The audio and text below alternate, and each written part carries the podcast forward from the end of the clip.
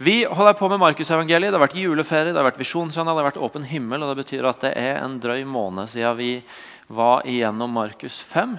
Og så skal vi i dag plukke opp tråden i Markus 6. Det er et langt kapittel med flere historier i. Jeg tror at, eller Det som jeg har opplevd når jeg har jobba med denne teksten denne uka, er at det er noen dynamikker knytta til tro i denne teksten som jeg har lyst til at vi skal se litt på i dag. Uh, og det vil gjøre er å bare Jeg skal ikke lese alt i ett strekk, men jeg vil bare ta oss igjennom kapittelet og de historiene som er der. Og så skal vi se på noen ting knytta til tro når vi har fått et forhold til hva teksten viser. La oss be en bønn, og så er vi i gang. Gode far, takk for ditt ord. Vi bekjenner at vi uh, trenger ditt ord for å kjenne det. Og vi finner mat og liv i ditt ord. Og vi inviterer du, Hellige Ånd, til å komme og åpne ordet for oss, sånn at det blir til mat, sånn at det blir til liv, sånn at det blir til noe som vi kan ta med oss inn i uka som kommer, det vi er sammen om denne søndagen. Amen. Markus 5, som vi stoppa på i desember, var, eh, slutta, hadde to historier i seg hvor Jesus driver ut onde ånder, og han helbreder to mennesker.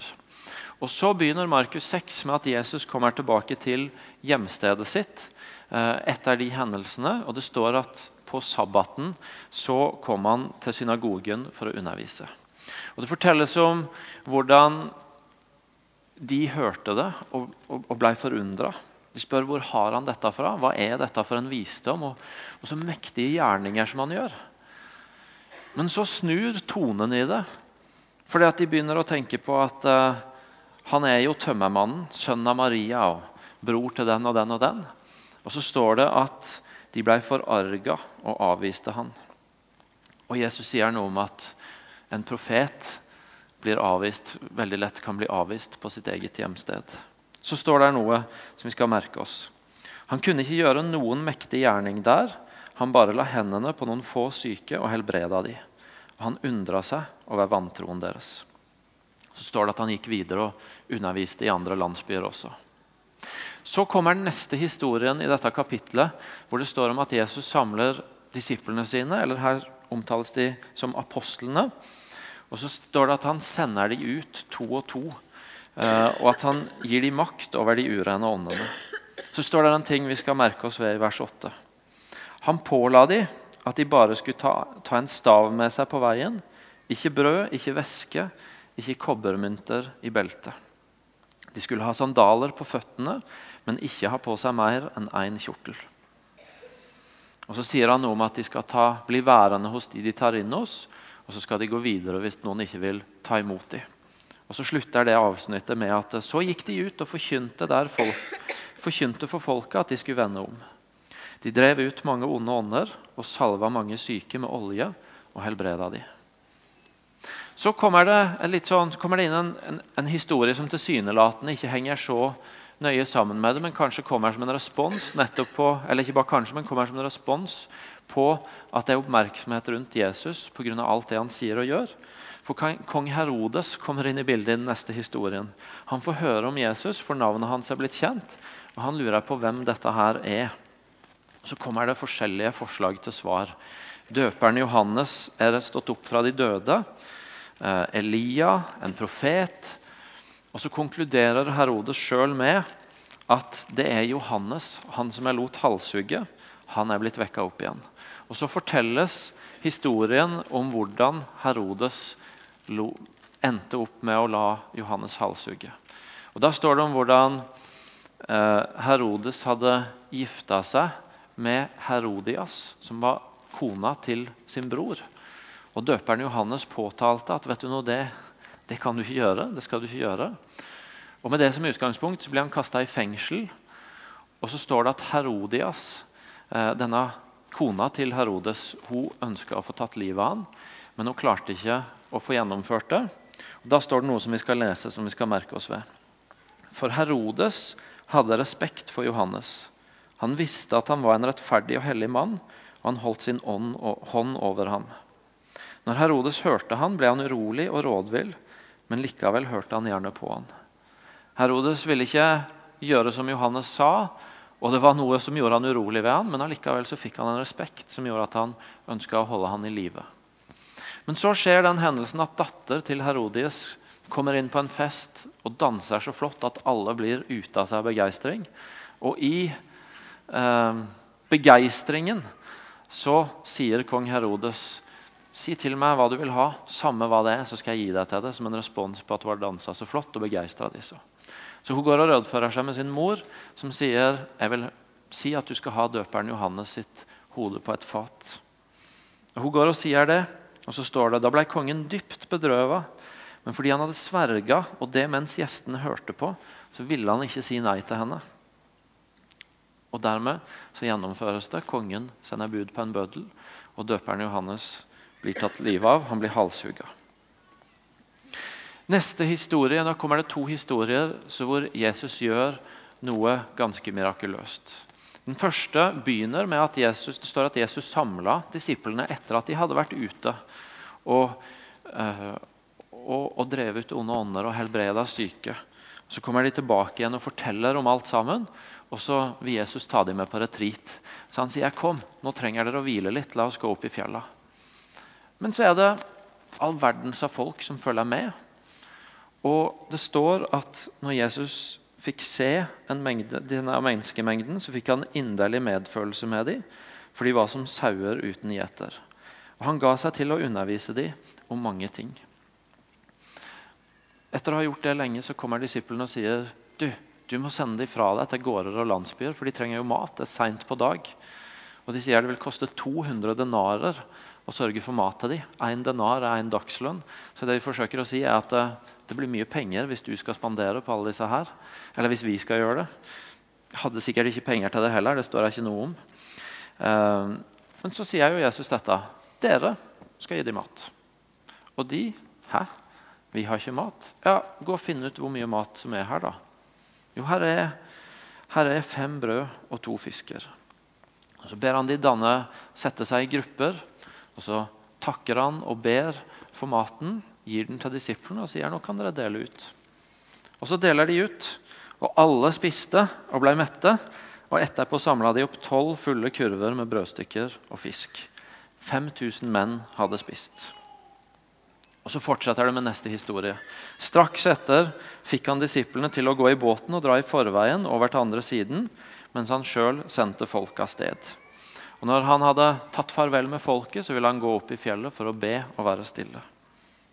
Så kom kvelden, og disiplene er i båten ute på sjøen. Og så står det noe som er et ganske flott bilde av Jesus, for han har på en måte sagt Reis dere dit. Jeg skal, jeg skal sende folk av gårde, og så vil jeg gå opp i fjellet og være litt for meg sjøl. Eh, da kvelden kom, var båten midt ute på sjøen, og Jesus var alene på land. Han så at de sleit hardt med å få ro, for de hadde motvind. Så han fulgte med på dem allikevel. Han hadde sendt dem av gårde. Han skulle opp i fjellet og få fred, men han hadde et øye med dem. Og han så at de sleit hardt. I den fjerde nattevakt kom han til dem gående på sjøen. Han ville gå forbi dem, men da de fikk se han der han gikk på vannet, trodde de det var et gjenferd, og de skreik høyt. For alle sammen så han, og de ble skrekk, skrekkslagne. Og Så snakker Jesus til dem idet de roper ut og tror det er et gjenferd de ser. Vær ved godt mot. Det er 'vær ikke redde'. Så steg han opp i båten, og vinden stilna.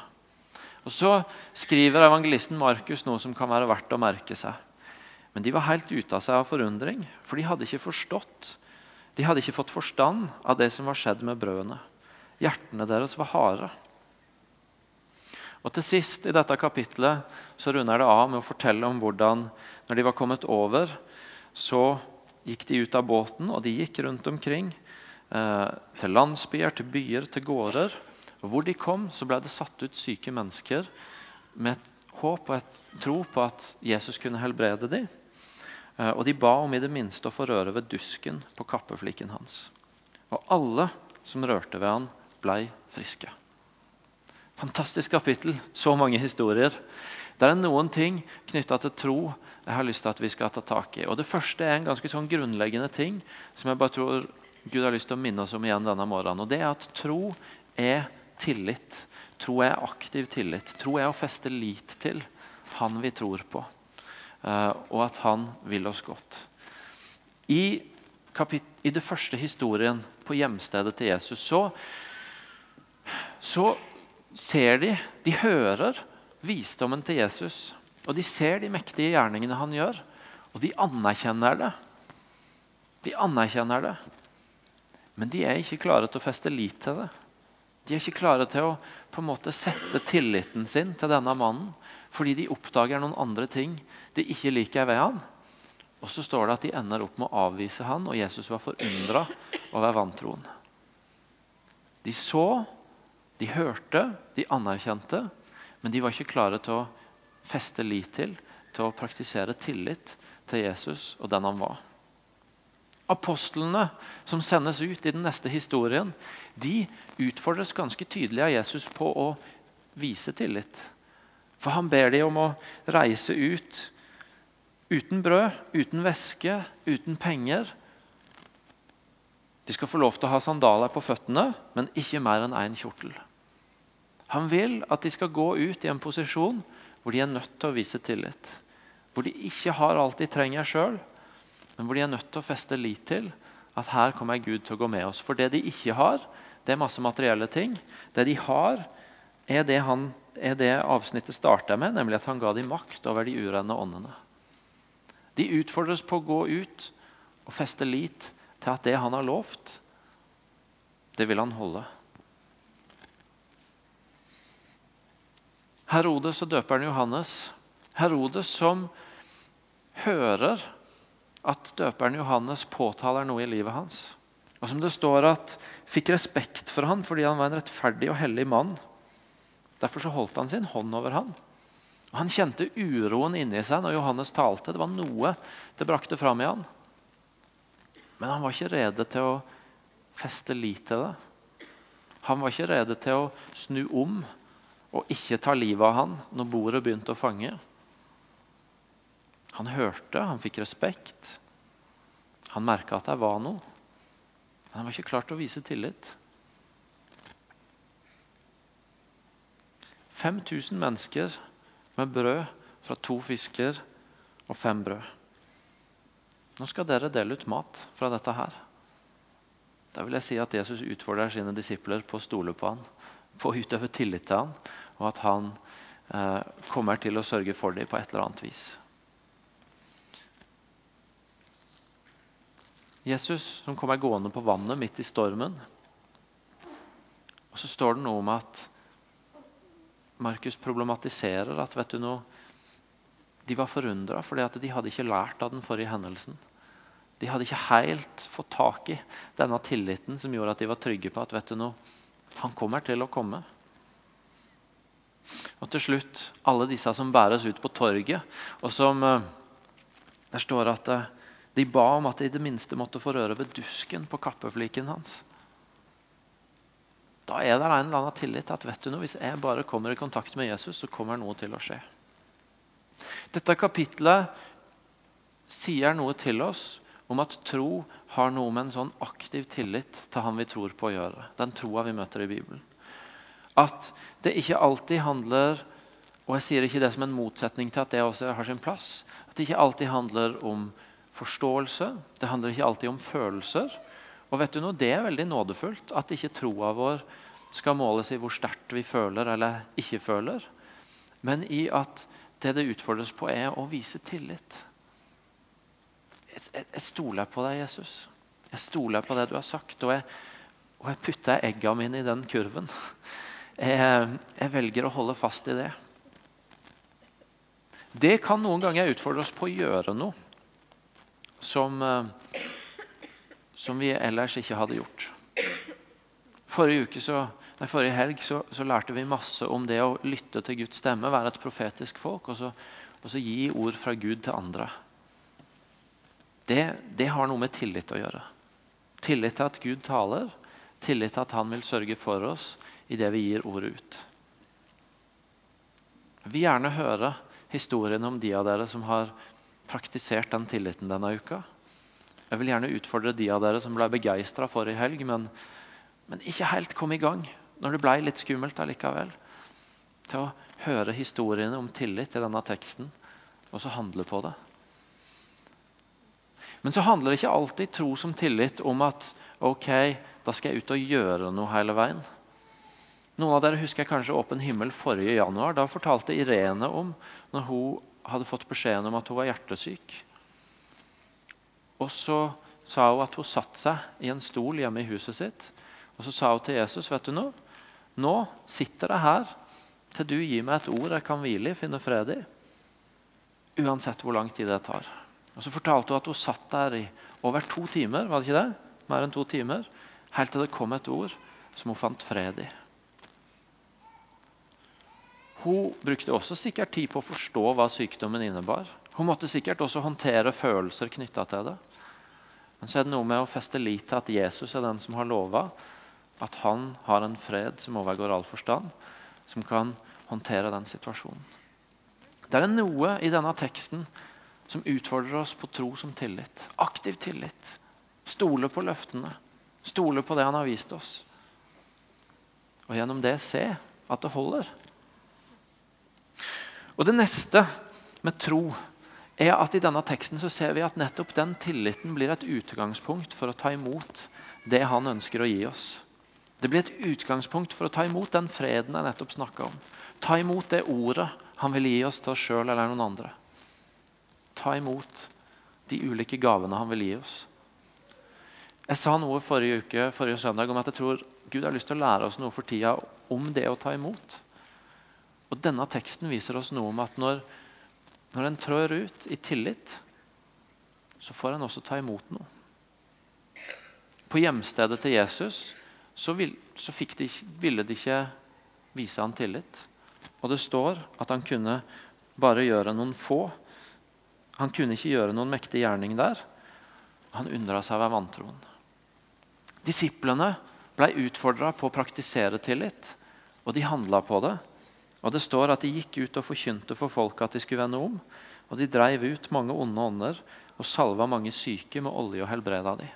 De fikk ta imot noe fantastisk. Tenk å se mennesker en ber for å bli friske. Herodes, som hørte utfordringa, som ble møtt av orda til Johannes, men som ikke ville feste sin lit til det. Og så ble det ikke noe mer med det. Disiplene som Kom an, del ut disse fem brødene og to fiskene, så skal dere se. Og så gjør de det. Og så blir det mat til 5000 mann og tolv fulle kurver til overs. Og alle disse menneskene som blir plassert ute på torvet. Kan jeg bare få, en, få ta litt i dusken på kappa di? Og alle som rørte ved ham, ble friske. I tilliten så får de ta imot de gode gavene som han gir. Og se på hva slags gaver det er. Det er mat. Det er ting som har med helse å gjøre.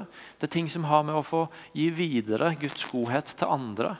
Det er et utrolig stort spekter som viser oss noe om at det en får når en tar imot fra Gud, når en viser tillit og tar imot, det har med Guds godhet å gjøre. Det har med Guds omsorg å gjøre, og det har med hele livet å gjøre.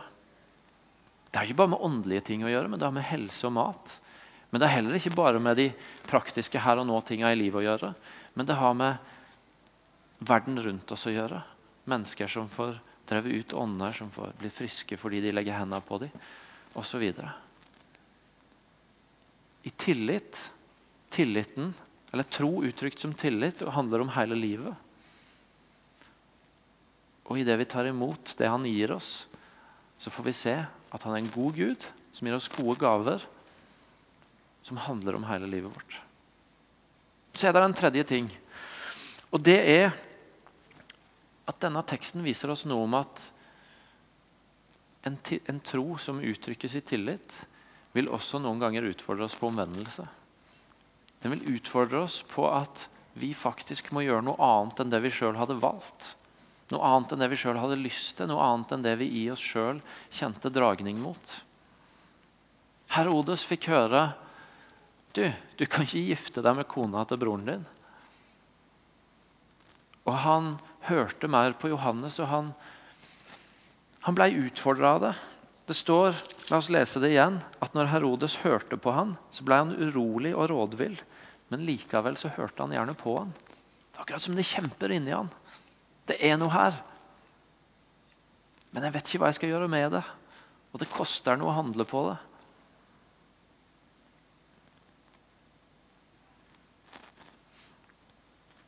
Det er en utfordring i det med tro som tillit, i at tro og enighet er ikke nødvendigvis alltid det samme.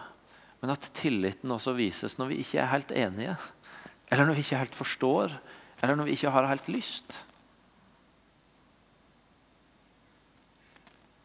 Herodes var ikke klar for det.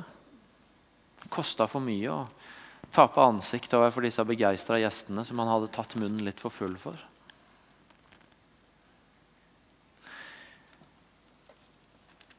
Vi utfordres på faktisk tro at Gud vil det beste for oss uansett, i alle områder av livet. Også når vi ikke er helt sikre på at det er det vi hadde valgt. Feste lit til at vet du noe, du, du vil meg det beste, Gud. Jeg vet ikke om jeg forstår det, jeg vet ikke om jeg har lyst til det. Men jeg veit at du vil meg godt.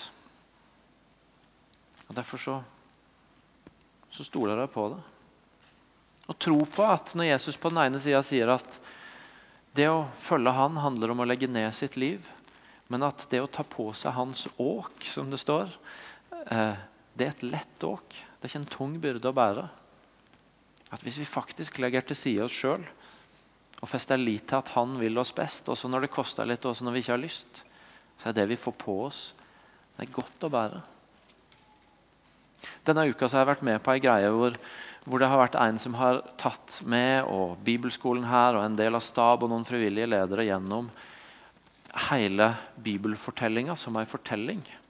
Fra skapelse til, eh, til når Jesus kommer igjen. Og etter at han hadde fortalt det som en historie, eller som flere historier, så satt jeg igjen med en sånn der, Det var akkurat som du hadde tatt ei bør av skuldrene mine. Fordi at jeg fikk et så klar, klart blikk av hva jeg egentlig var skapt for, og hvordan Jesus ønska å ta meg tilbake til det livet som Gud egentlig skapte oss til. Og Så ble det så utrolig klart at egentlig det livet han har skapt meg til, vet du noe, det er, det er mye enklere enn det jeg prøver å få til. Mitt eget liv er mye mer stressende enn det Gud hadde skapt meg til. Og Det sier meg noe om at Jesus har rett når han sier at mitt åk er lett. Men da må jeg være villig til å stole på det. Feste lit til det. Også når det utfordrer meg på å vende om, på å skifte kurs, på å legge ned min egen retning og tro at han vil meg det beste. Amen. Til slutt, denne historien sier oss noe om at tro skjer i fellesskap at den tilliten praktiseres kanskje aller best når vi er sammen om å gjøre det.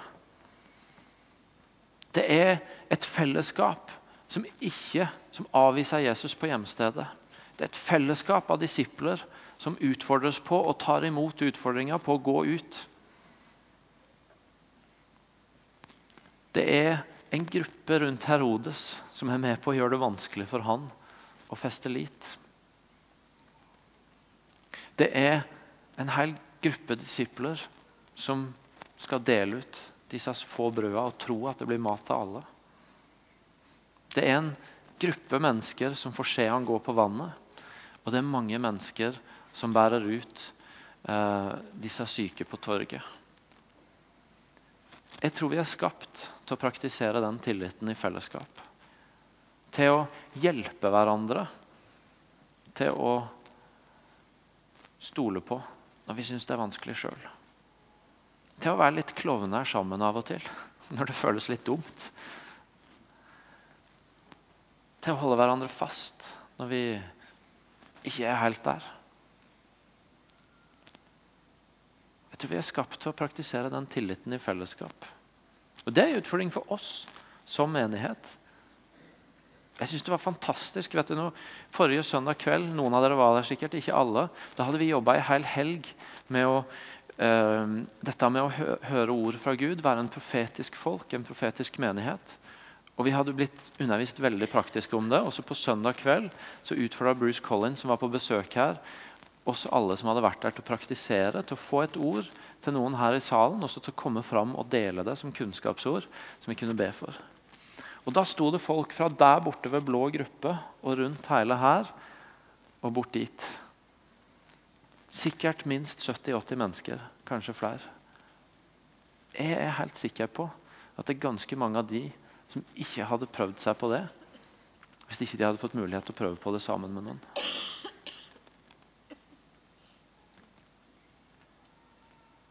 Hvordan hjelper vi? Hvilke arenaer har vi for å bli hjulpet på den veien det er å feste lit til Gud? Hvordan ser det ut i gruppene våre? Fellesskapene våre? Har dere utfordra hverandre denne uka på å gå videre med, med det vi lærte sist helg, om, om, å lytte fra Gud og gi det ut? Eller kanskje trenger dere å ta tak i det til uka for at vi skal tørre det? Er det andre områder i livet hvor du vet at vet du noe, ja, jeg trenger å stole på Gud i dette, men jeg trenger at noen hjelper meg med det? De av dere som er her som familie, foreldre, hvordan ser det ut å feste lit til Gud som familie? Hvordan ser det ut? Vi snakker en del om at vi som foreldre Det har vært mye snakk om de siste åra om at vi som foreldre er utrolig viktige personer i forhold til at barna våre vokser opp med ei tro. Og at vi modellerer og synliggjør vår tro. Og det er kjempeviktig. Men i dag så har jeg bare lyst til å utfordre oss på hvordan ser det ut å ikke bare være modeller, men hvordan ser det ut å som en familie feste lit til Gud? Ikke bare tenke at de voksne skal modellere noe for barna, men å ta, ta hele familien med inn i noe hvor vi som familie får en erfaring av hvordan stoler vi på Gud sammen i dette? Hvordan lærer vi som familie sammen å feste lit til Gud i dette? Det kan ha med noe vi skal be for å gjøre. Det kan handle om ressurser å gjøre. Det kan handle om steder hvor vi ikke har svaret, og så lytter vi til Gud sammen. Det kan være masse annet. Jeg tror denne søndagen folkens, at Gud bare har lyst til å invitere oss til å si at vet du noe? Dere kan stole på meg. Jeg ber dere ikke nødvendigvis om å skjønne alt eller om å føle så sterkt.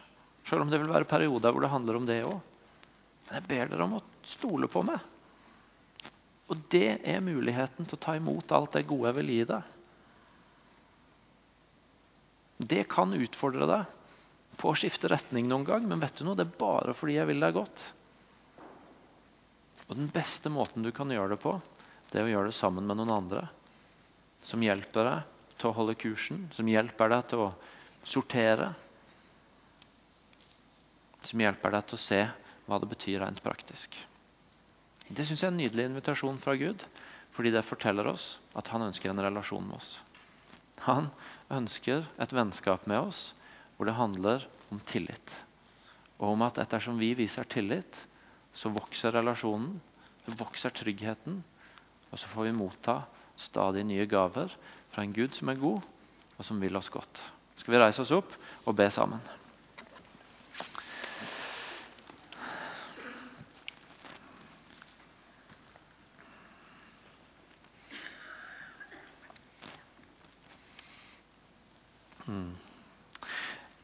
God far, jeg har bare lyst til å takke deg igjen denne formiddagen for at du er god.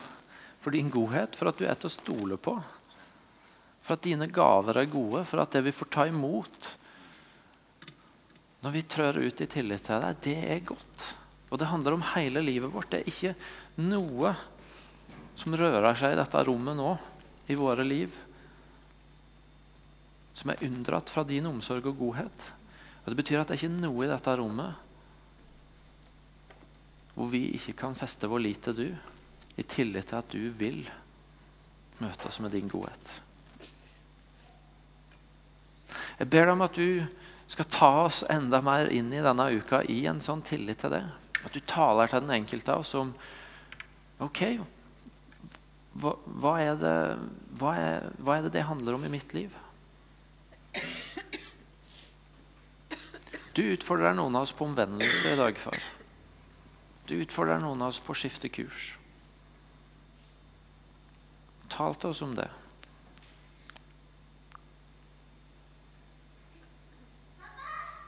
Hjelp oss til å se at, at det ubehaget som Herodes kjente på, og som vi òg kjenner på når du, når du peker på noe vi er nødt til å snu rundt på, det skal bli erstatta av en erfaring av at ditt åk er godt idet vi vender om.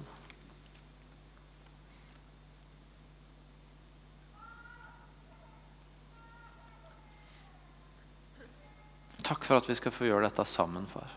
Jeg ber deg om at du lærer oss som menighet enda mer om hvordan vi gjør det som stort fellesskap. Og jeg ber deg for gruppene våre, fellesskapene våre, familiene våre, at du lar oss få omfavne det i de fellesskapene. Mm. Skal vi bare være litt stille sammen? Og Så begynner eh, Thomas og lovsangsteamet å spille litt.